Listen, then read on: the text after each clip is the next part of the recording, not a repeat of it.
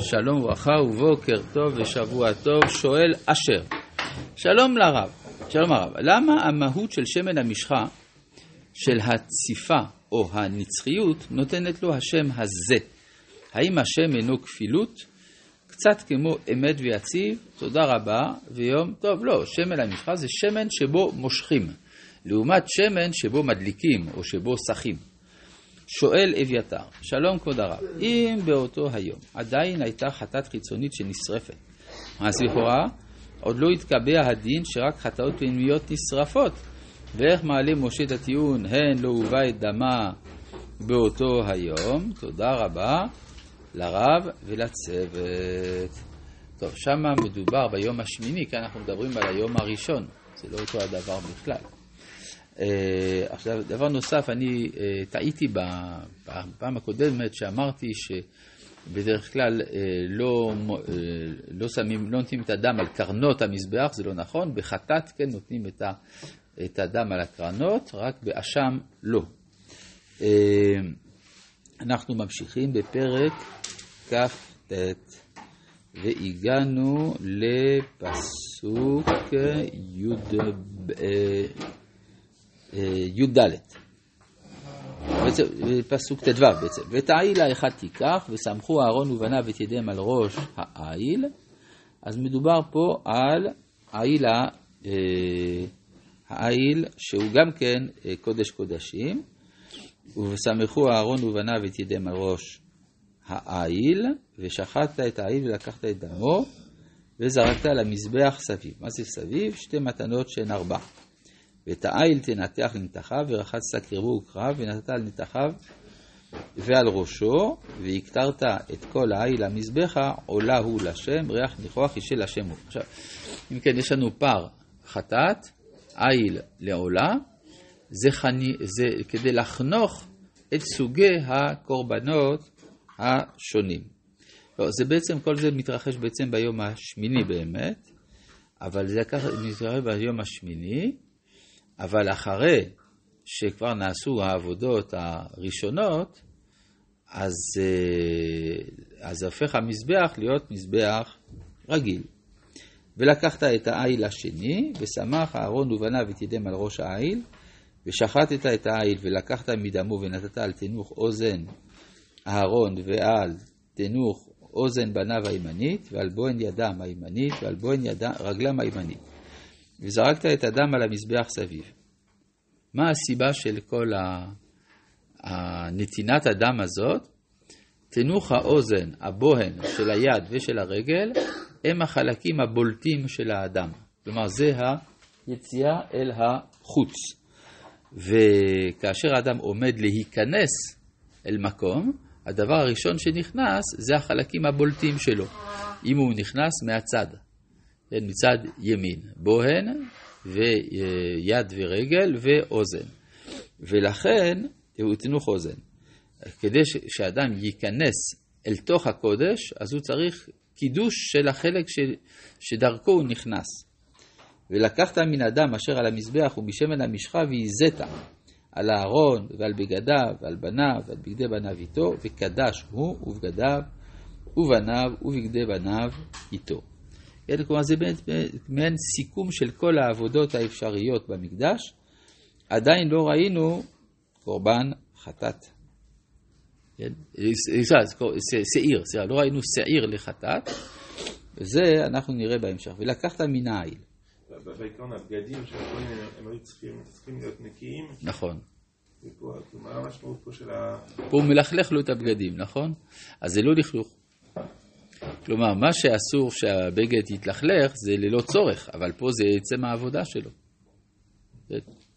ולקחת מן העיל החלב והעלייה ואת החלב המכסה את הקרב ואת יותרת הכבד ואת שתי הכליות ואת החלב אשר עליהן ואת שוק הימין כי אל מילואים הוא.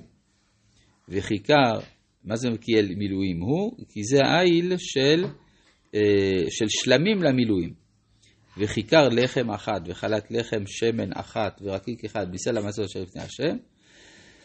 ושמת הכל על כפי אהרון ועל כפי בניו והנפת אותם תנופה לפני השם. ולקחת אותה מידם והקטרת מזבחה על העולה לריח ניחוח לפני השם משהו לשם. כלומר, פה יש פעולה מאוד מיוחדת.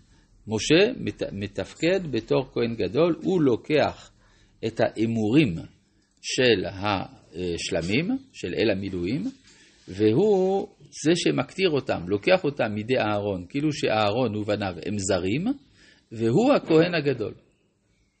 הוא הכהן הגדול, וכי הוא צריך למסור את הכהונה לאהרון. אז בשלב הראשון הוא צריך להיות כהן גדול, ואחר כך למסור. והדבר הזה, הוא בא לידי ביטוי גם בחלק הנאכל. הרי הכהן אוכל חזה ושוק. כאן משה אוכל חזה ואהרון שוק. כן? דבר יחיד בהיסטוריה. ולקחת את החזה מאל המילואים אשר לאהרון, והנפת אותו לפני השם, תנופה לפני השם, והיה לך למנה. וקידשת את חזה התנופה ואת שוק התרומה אשר הונף ואשר הורם מאל המילואים, מאשר לאהרון מאשר לבניו, והיה לאהרון ולבניו לחוק עולם מאת בני ישראל, כי תראו מהו. ותרומה יהיה מאת בני ישראל מזכרי של מם תרומתם להשם. אז פה יש, אה, יש פה חידוש, אם כן, חזה למשה, השוק לאהרון, מה ההבדל בין. בין חזה לבין שוק? חזה זה מקום החיות, זה מקום הלב, והשוק זה אה, מקום הפעולה.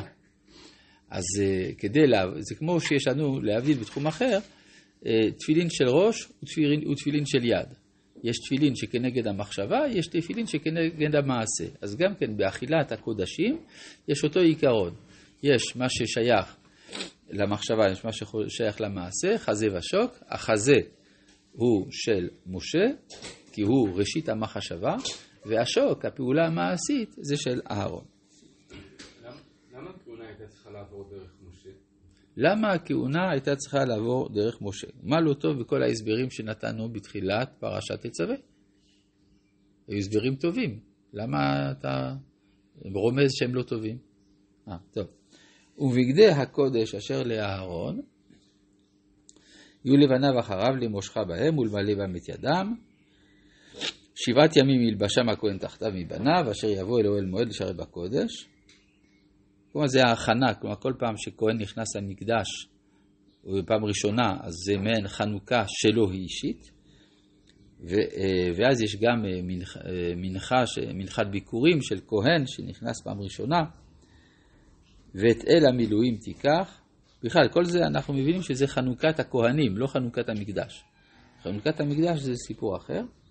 ואת אל המילואים תיקח, ובישלת את בשרו במקום קדוש, ואכל אהרון ובניו את בשר העיל, ואת הלחם אשר בסל, פתח אוהל מועד.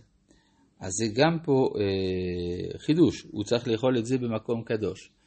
לכאורה, קודשים קלים נאכלים בכל העיר. פה יש מעלה מיוחדת, שאל המילואים הוא נאכל כאילו שהוא קודשי קודשים. צריך לאכל במקום קדוש דווקא.